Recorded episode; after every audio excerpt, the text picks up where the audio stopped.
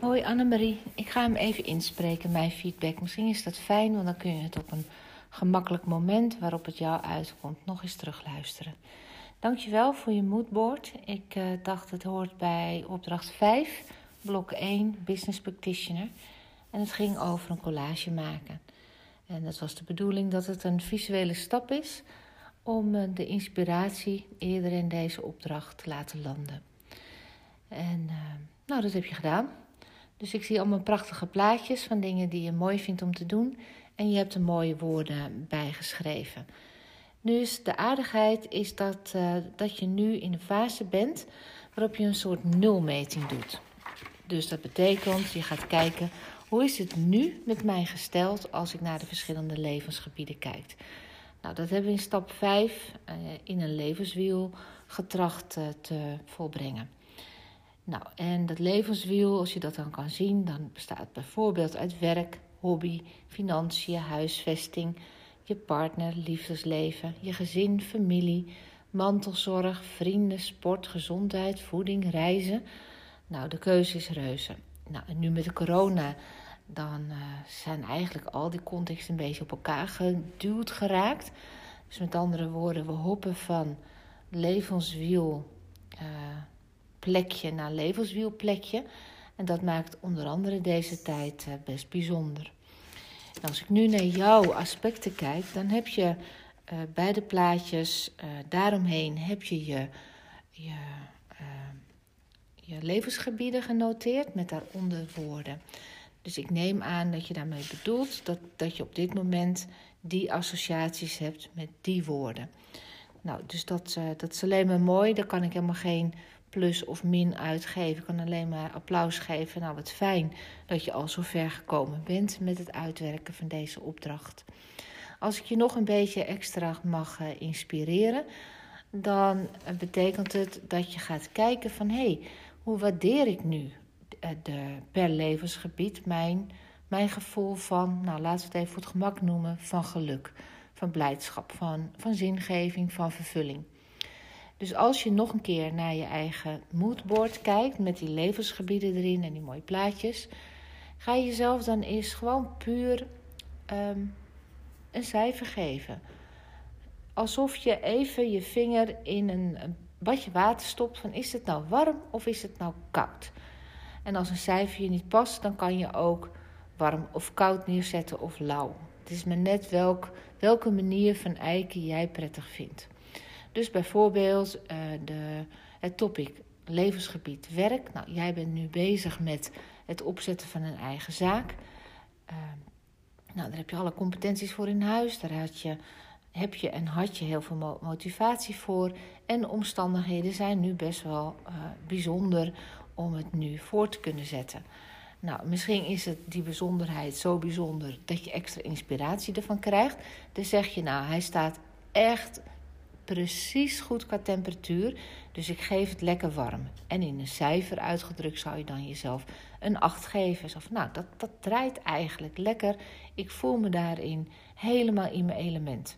Of je zegt, nou, die, de, deze tijd waar ik nu in zit, met mijn initiatief om voor mezelf te beginnen, met mijn loopbaancoaching en alles wat erbij komt kijken. Ik ben opeens gierend op de rem gegaan. En ik merk dat het nu best wel behoorlijk koud is. Dus het is misschien zelfs wel ijskoud. Misschien zit je op een vriespunt. Of je zegt, nou, ik, uh, ik, ik, ik, ik, ik schommel een beetje tussen warm en koud. Dus dan is het lauw. Dus geen goed of fout, maar veel meer een, een eerlijk nulpunt naar jezelf toe. Van wat als ik nu mijn leven per levensgebied zou mogen uh, waarderen. Gewoon in dit moment. En dat mag je natuurlijk morgen ook doen. En dan wordt het morgen in dat moment. Welke waardering geef je er dan aan? Nogmaals uitgedrukt in een cijfer als dat je past tussen 0 en 10. Of iets tussen koud en warm, heet of koud, ijskoud, vriespunt.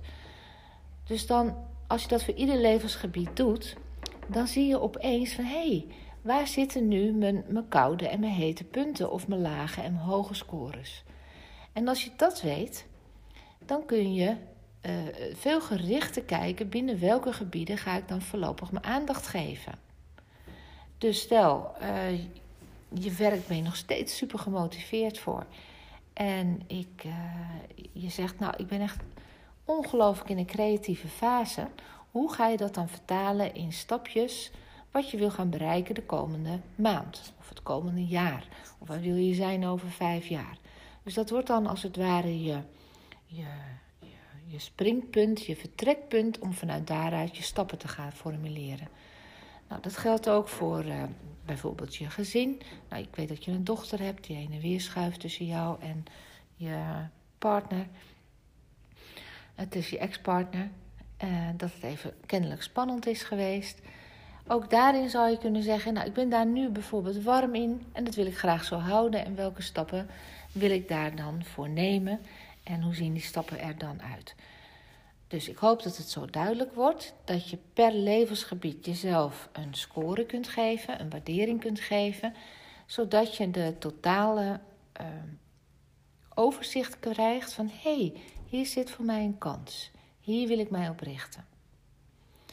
Nou, en je zal natuurlijk ook wel goed begrijpen dat als je bijvoorbeeld heel veel aandacht gaat geven aan, ik roep maar wat, aan je moeder in Heerlen.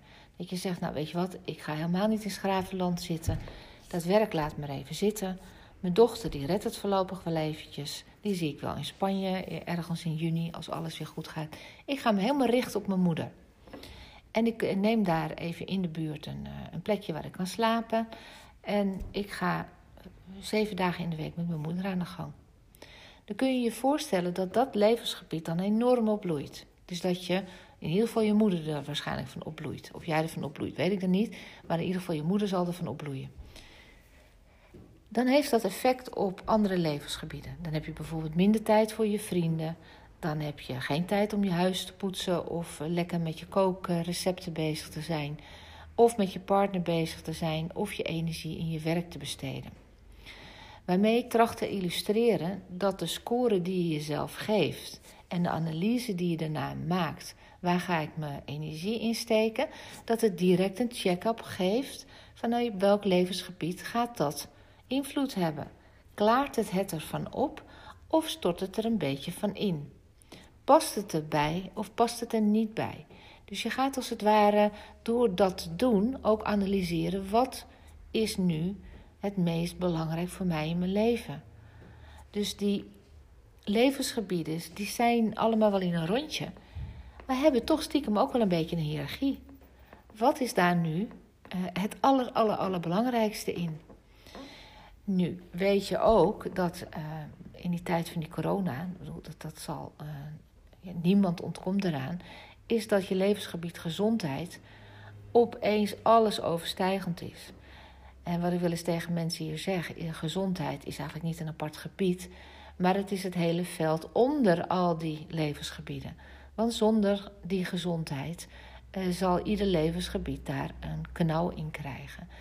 Dus even een reminder: gezondheid is uh, eigenlijk geen apart levensgebied, maar de voorwaarde voor ieder ander levensgebied. En als je op dit moment een gezondheid hebt die oké is en je hoeft er weinig moeite voor te doen, dan draait hij wel. Als op dit moment op basis van bijvoorbeeld stress of angst voor de toekomst je gezondheid begint te slijten, bijvoorbeeld je gaat slechter eten of je, uh, wat kan ook nog meer, je gaat slechter slapen of je vergeet te sporten, dan gaat het, uh, dan gaan op den duur, waarschijnlijk niet meteen, maar op den duur gaan die andere levensgebieden daarin ook onder lijden.